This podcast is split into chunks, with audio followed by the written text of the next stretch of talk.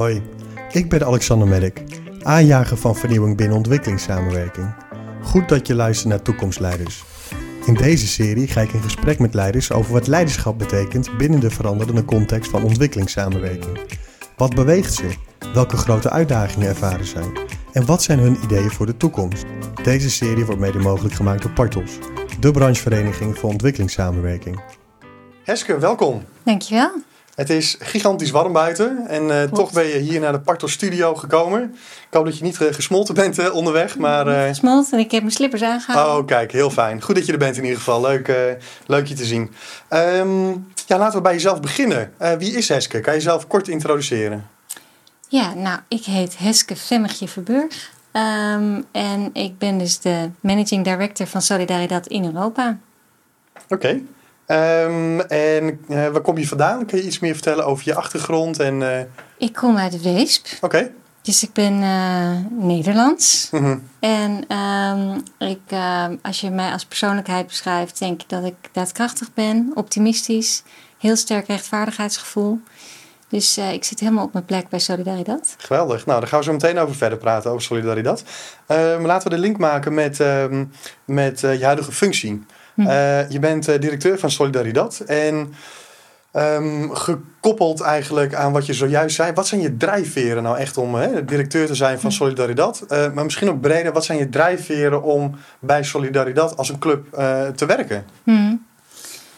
Um, nou, ik heb dus inderdaad een heel sterk rechtvaardigheidsgevoel. Ja. Dus uh, als je om je heen kijkt, dan zie je natuurlijk dat er helaas het een en ander misgaat in de wereld. Uh, dat er ongelooflijk veel ongelijkheid is. Uh, en Solidaridad kijkt juist ook naar de productieketens, zoals koffie, thee, palmolie en naar de makers aan het begin van de keten. En je ziet dat deze makers, die dus onze koffie maken, de palmolie die in onze shampoo zit, um, dat die structureel eigenlijk te weinig betaald krijgen. Uh, dus dat die in armoede leven. Uh, textielarbeiders onder hele zware omstandigheden onze spijkerbroek in elkaar moeten zetten. Okay. Um, en ja, ik vind dat niet eerlijk. Uh -huh, Ik vind het eigenlijk onbegrijpelijk ja. dat wij wel uh, 3,50 euro of 4 euro voor een kopje koffie bij de Starbucks betalen. Ja. Maar dat een koffieboer dus niet genoeg geld heeft om op een normale manier zijn kinderen naar school te laten ja. gaan. Ja. Dus ja, ik vind dat dat systeem eigenlijk mm. moet veranderen. -hmm. En dat is meteen best wel een hele grote ambitie. Maar die ambitie, die, ja, die kan ik uh, hopelijk waarmaken samen met, met de organisatie, met ja. Solidaridad. Oké, okay, dan gaan we straks even verder praten over de systeemverandering. Daar ben ik wel benieuwd naar vanuit Solidaridad ook. Mm -hmm. um, inzoomend op, je hebt een heel sterk rechtvaardigheidsgevoel, zeg je. Mm -hmm. um, um, ik ben benieuwd, waar komt dat vandaan? Zijn er bepaalde gebeurtenissen geweest in je leven, bepaalde Mm. mensen geweest in je leven die hebben geïnspireerd of, of, Mhm. of dat gevoel hebben meegekregen, die waarden hebben meegegeven? Eh, kan je daar iets meer over vertellen? Um, ja, dat is een mooie vraag. Dan ga je eigenlijk terug naar je, je kindertijd ook. Waar, uh, waar, Wellicht. Uh, ja. dus ik, heb een, ik kom uit een, uh, een nest waarbij mijn vader bijvoorbeeld ook gepromoveerd is op maatschappelijk verantwoord ondernemen. Oké. Okay. Dus er werd ook bij ons thuis aan de keukentafel heel veel gesproken over nou, ongelijkheid en machtsverhoudingen ook in de economie. Ik, wij lazen altijd de Samsam thuis, dat is een blad ook, waar heel veel ja, verhalen over ontwikkelingslanden in stonden. Dus ik ben eigenlijk wel heel erg ja, opgevoed met het idee van we zijn eigenlijk heel erg gezegend met wat wij hier Ja. allemaal hebben in, in Nederland. Um, en uh, ja, gecombineerd eigenlijk met dat rechtvaardigheidsgevoel heb ik inderdaad al best wel snel bedacht van nou, ik wil, zou me wel heel graag willen inzetten voor internationale samenwerking. Uh, om de wereld een beetje beter te maken. Uh, en zo inderdaad uiteindelijk ook in deze sector terechtgekomen. Een heel mooi verhaal. Um, laten we de koppeling maken ook met. Um, um, dit is je eerste periode, je kindperiode. Mm. Hè? Zijn er ook gaandeweg je carrière bepaalde mensen geweest? Mm. Uh, uh, uh, kunnen meerdere mensen zijn. Mm. die hebben geïnspireerd eigenlijk om nou, terecht te komen waar je op dit moment terecht bent gekomen bij Solidaridad. Ja. Nou, de mensen die me eigenlijk het meeste inspireren zijn de mensen die ik tegenkom ook voor mijn werk in het veld. -hmm. Uh, dus de kracht van mensen die in hele moeilijke omstandigheden toch het allerbeste van hun leven proberen te maken. De dromen van deze mensen. dus dat met je met een klein stukje grond en een groot gezin toch probeert om alle eindjes aan elkaar te, te knopen. Ja. en dat je dan ontzettend blij kan zijn als je oogst verdubbelt. Uh, omdat dat het verschil is tussen, uh, nou ja, uh, geen één maaltijd per dag mhm. en twee of drie maaltijden per dag. Dus juist de kracht van mensen in moeilijke omstandigheden, dat vind ik het, het inspirerends. En dat is ook echt mijn drijfveer. Dat ik denk van oké, nog een tandje erbij. Of toch nog harder werken. En om, om echt die verandering teweeg te brengen. Mooi, heel mooi. Dus de, de, kracht van mensen in moeilijke omstandigheden heb ik genoteerd. Ja. Ehm, en laten we het hebben over de kracht van solidariteit wellicht. Wat is de kracht van solidariteit, uh, ook wellicht in moeilijke omstandigheden? Misschien een beetje met andere woorden. Wat is de uh, ja, unieke propositie uh, van solidariteit? Ja, Kijk, ik heb hiervoor bijvoorbeeld bij UNICEF gewerkt. Ja. UNICEF is een prachtige organisatie. Uh, en kinderen zijn natuurlijk heel belangrijk en de basis van, van nou ja, een, een, betere wereld, een betere samenleving. Maar uiteindelijk is het ook best wel frustrerend als je zorgt dat een kind naar school gaat, dat hij uh, nou, gezond opgroeit, gezondheidszorg mhm. krijgt, uh, opleiding krijgt. En dan, uiteindelijk moet zo'n kind ook als volwassene een plek in de samenleving krijgen, een, een, um, een gezin onderhouden. En dat is juist iets waar solidariteit zich voor inzet. Mhm. Dat juist dus die, vanuit die economisch perspectief, dat je een ontwikkeling hebt waarbij uh, kleine boeren, textielarbeiders, mijnwerkers een baan hebben waar ze trots op kunnen zijn, waar ze voldoende geld mee verdienen op een veilige manier om hun gezin te onderhouden, om zichzelf te onderhouden en een constructieve bijdrage te leveren aan de maatschappij. Ja. En Solidariteit is denk ik als organisatie uh, uniek, juist omdat we uh, echt vanuit de, de, de ketenbenadering kijken. Dus je kijkt echt naar die hele keten. Dus van farm to fork. Dus je, uh, we hebben duizend collega's wereldwijd die allemaal direct in het veld werken om die, de situatie daar te verbeteren. Met die boeren, met die mijnwerkers. Maar we werken ook hier in Europa. Mhm. Dus juist met alle actoren in die keten om te zorgen dat je echt die systeemverandering voor elkaar kan krijgen. Ja, ja. En, en, en solidariteit, uh, volgens mij gaf je net al aan, hè? er zit in, in meerdere werelddelen. Is het onderdeel van een internationaal netwerk? Of? Ja, de Solidariteit is echt een netwerkorganisatie. Dus ik ben directeur van Solidariteit Europa. Mm -hmm. en uh, ik heb allemaal collega's die verantwoordelijk zijn voor hun werelddeel.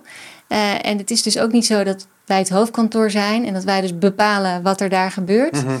Nee, dus zij hebben heel veel autonomie. Het zijn echt entiteiten die met elkaar dat netwerk vormen. Wij werken ook niet met expats, alleen met local okay. staff. Ja. Dus echt om te zorgen dat de programma's die geïmplementeerd worden ook lokaal gedragen worden. Uh, zij kunnen dat ook veel beter dan als je, in mijn optiek, dat je iemand vanuit uh, Europa daarheen stuurt van uh, ga jij daar eventjes een programma managen. Mm -hmm. Dus, en dat werkt. En, en, en zien jullie ook een verschuiving in uh, rollen, verantwoordelijkheden bij de verschillende onderdelen van een netwerk? Um, kijk, als je, we bestaan iets meer dan 50 jaar uh, als Solidaridad. Dus dat netwerk heeft zich ook verder ontwikkeld en mm -hmm. is echt gegroeid. En uh, je ziet nu dat bijvoorbeeld ook uh, in, uh, in de fondsenwerving. Eerst kwam er eigenlijk het meeste geld kwam echt vanuit Europa. Hè. Daar zitten natuurlijk ook de meeste donoren. Ja. maar je ziet dat dat ook steeds meer verschuift. En dat er dus ook veel meer lokale contracten direct af worden gesloten. dat er ook grote fondsen meer decentraal gaan werken met kantoren in Afrika. Die ook direct daar de contacten onderhouden. Dus wat dat betreft zie je wel echt en uh, een beweging die steeds minder de nadruk legt van ontwikkelingshulp, geïnitieerd vanuit mhm. het Westen, mhm. maar echt uh, ook uh, vanuit juist de Global South. Ja, ja, ja. ja. En, en, en zijn er bepaalde moeilijkheden waar jullie tegenaan lopen in die verschuiving hè, van, van, van rollen en verantwoordelijkheden? Nou, je ziet dat sommige donoren dat nog best wel heel erg lastig vinden. Mm omdat er zijn best wel veel donoren die heel erg toch op de controle zitten. Dus die natuurlijk uh, eindeloos audits willen, uh, voortgangsrapportages, heel gedetailleerd. en soms is dat lastiger op het moment dat je direct schakelt inderdaad met die partij in het zuiden. Ja. de dynamiek is anders. nou, je zag het ook al in, in, in de COVID-tijd. Ja, wij zitten allemaal lekker achter ons computertje met een mooie internetverbinding. Mhm. Maar dat is net ietsje anders met onze collega's in het veld. Uh, ja, dus die uh, gaan vanuit hun mm, huis, waar misschien ook nog drie andere generaties wonen, mm uh, waar geen aparte studeerkamer is en een slechte internetverbinding, ja. ja. proberen ze toch ook contact te, te onderhouden met collega's elders vanuit huis. Ja, en dat is voor donoren soms best wel lastig om dan ook ja, dat te accepteren dat er misschien iets minder snel een reactie komt. Of uh, ja, dat die audit toch iets minder gedegen uh, is gedaan Precies. dan misschien uh, hier vanuit Europa dat geregeld zou zijn. Ja, en dit is een hele grote uitdaging binnen ontwikkelingssamenwerking hè, en humanitaire hulp. Ja. Um, gekeken ook vanuit het perspectief van Solidaridad. Mm -hmm. Europa als netwerkorganisatie de komende 20, als we vooruitkijken, de komende mm -hmm. 20, 30 jaar. Ja. Welke andere uitdagingen, of misschien een andere uitdaging, mm zien jullie dan nog als organisatie? Nou, de hele grote uitdaging waar we natuurlijk met z'n allen voor staan is klimaatverandering. Mhm. dus ik had het net natuurlijk al even over die ongelooflijke grote ongelijkheid in productieketens. Dus dat ons hele voedselsysteem eigenlijk ja, veranderd zou moeten worden. Maar wat je nu ziet met klimaatverandering is dat er natuurlijk heel urgent uh, voor ons als mensheid echt iets moet gebeuren. Ja. Anders gaat het heel erg mis. En juist ook kleine boeren in ontwikkelingslanden kunnen daar echt een rol in vervullen. Mm dus nu zijn ze manier? vaak. Nou, nu zijn ze vaak slachtoffers hè, van klimaatverandering. Nou, we weten met het hele debat hier in Nederland dat boeren natuurlijk ook geframed worden als de daders, hè, die juist heel erg mhm. bijdragen aan uh, klimaatverandering. Wat ook uh, zo is, hè, uh, in bepaalde opzichten. Uh, maar je kunt ook uh, climate heroes eigenlijk hebben, klimaathelden. Want mm -hmm. boeren kunnen ook een hele grote rol spelen. Juist om dus Mooi. de grond duurzaam te verbouwen, om te zorgen voor biodiversiteit, om voor regeneratieve landbouwmethoden uh, te, ja. te omhelzen. Dus, en dat zijn ook boeren in ontwikkelingslanden. Dus je kunt ook naar modellen toe waarbij die boeren daar ook voor betaald worden. En dan ga je meteen eigenlijk die ongelijkheid die er is, daar doe je ook wat aan. Ja. Zodat je zorgt dat de boeren de, de, carbon credits die ze opslaan in de bomen die ze planten op hun land, dat ze daar ook voor betaald krijgen. En is het onderdeel van uh, jullie projecten ook? Dat is ook onderdeel van onze, onze programma's. Oké. Ja. En steeds groter onderdeel ook. Ja. Op welke manier?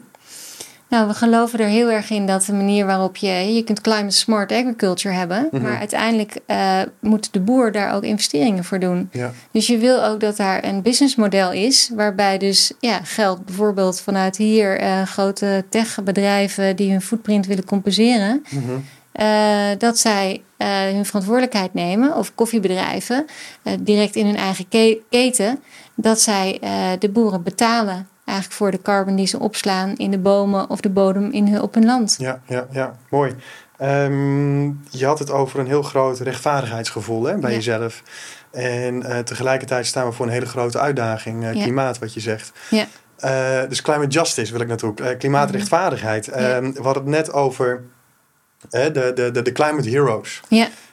Um, welke rol hebben wij als ontwikkelingssamenwerkingsorganisaties in Mhm. Nederland um, om deze uitdaging de baas te blijven? En om Mhm. ook uh, wellicht climate heroes te kunnen, beter te kunnen ondersteunen. Mhm. En wellicht ook zelf te worden. Dus met andere woorden, Mhm. welke ja, verantwoordelijkheid hebben wij als heeft solidariteit daarin? Ja, nou dat is een mooie vraag. Ook omdat het niet alleen solidariteit, maar inderdaad de hele sector hè, waar je aan refereert. Ehm, eh, dus ik denk dat we daar allemaal onze eigen rol in kunnen pakken. Dus je hebt meer de watchdog-organisaties die natuurlijk adresseren hè, van jongens, er gaat iets heel erg mis. Mhm. En dat ook met rapporten onderbouwen en eh, daar heel erg hard over, over roepen.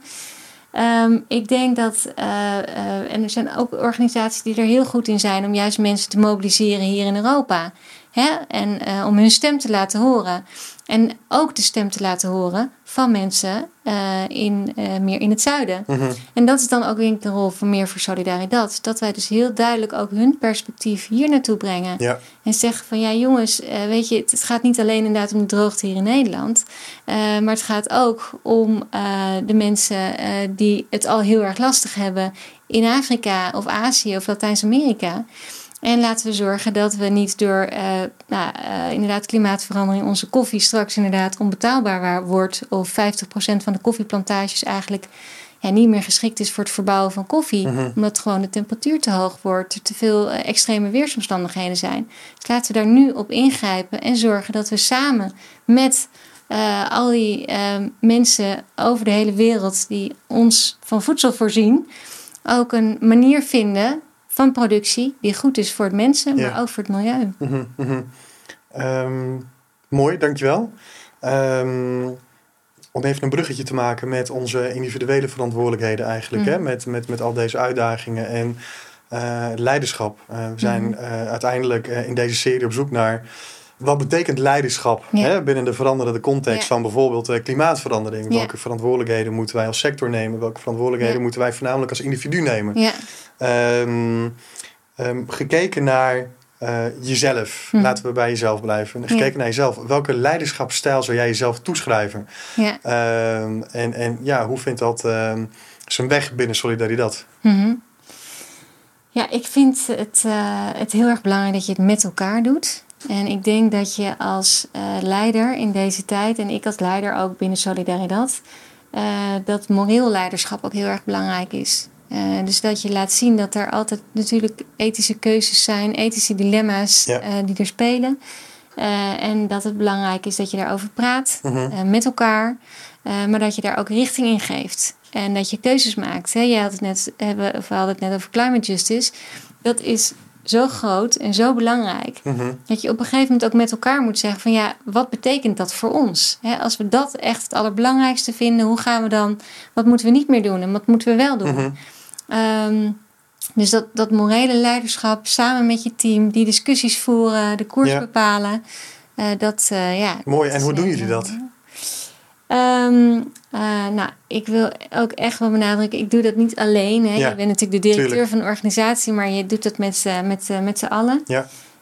Um, wij doen dat ook door uh, twee wekelijks ethische dilemma's met elkaar te bespreken. Dus we hebben een catch-up, dus komt, de hele organisatie komt samen in Europa. Uh, en dan nou, hebben we allemaal cases die we bespreken. Die kan je inzenden en dan worden er een aantal uitgekozen? Of? doen, okay. uh, maar we bereiden dat ook voor zelf. Onze integrity advisor die bereidt dat ook voor. We kijken naar onze code of conduct, daar halen we dingen uit. Naar Kijk, kan je een voorbeeld geven van iets wat jullie in de afgelopen, wat is het, afgelopen maanden uh, hebben besproken? Ja. Je een gevoelig thema misschien? Nou, nee, dat, ik kan er zeker wel wat in delen. Ja, het, het, is dus heel breed. Het kan bijvoorbeeld zijn van, nou, wij in onze code of conduct staat dat je tijdens werktijd geen alcohol mag gebruiken. Um, maar ja, ja, stel het is hartstikke warm weer. Je, je zit ergens met een relatie op het terrasje. En die zegt van, nou, zullen we even een biertje nemen? -huh. Ja, wat doe je dan? -huh. Mag dat dan? zeg je, nee, het is de werktijd, dus ik drink niet. -huh. Nou, dus dat is een heel klein voorbeeldje. Waar ja. je dan echt, het is natuurlijk niet zwart en wit. Dus daar kun je met elkaar over discussiëren. Maar goed, dat gaat natuurlijk veel ja, gaat, gaat veel verder over is het inderdaad verantwoord als je het vliegtuig neemt om uh, voor een meeting van uh, vier uur naar Bangladesh te vliegen. Ja. Ja, wat, hoe staan we daarin? Ja. Hè? Werktechnisch, ja, zou dat best wel kunnen. Maar hoe staan we daar als organisatie in? Vinden we dat dat kan? Of zeggen van nee, ja, vier uur meeting en dan hè, daar naartoe vliegen, dat moet je gewoon niet meer willen. Dat moeten ja. we niet meer doen. Ja.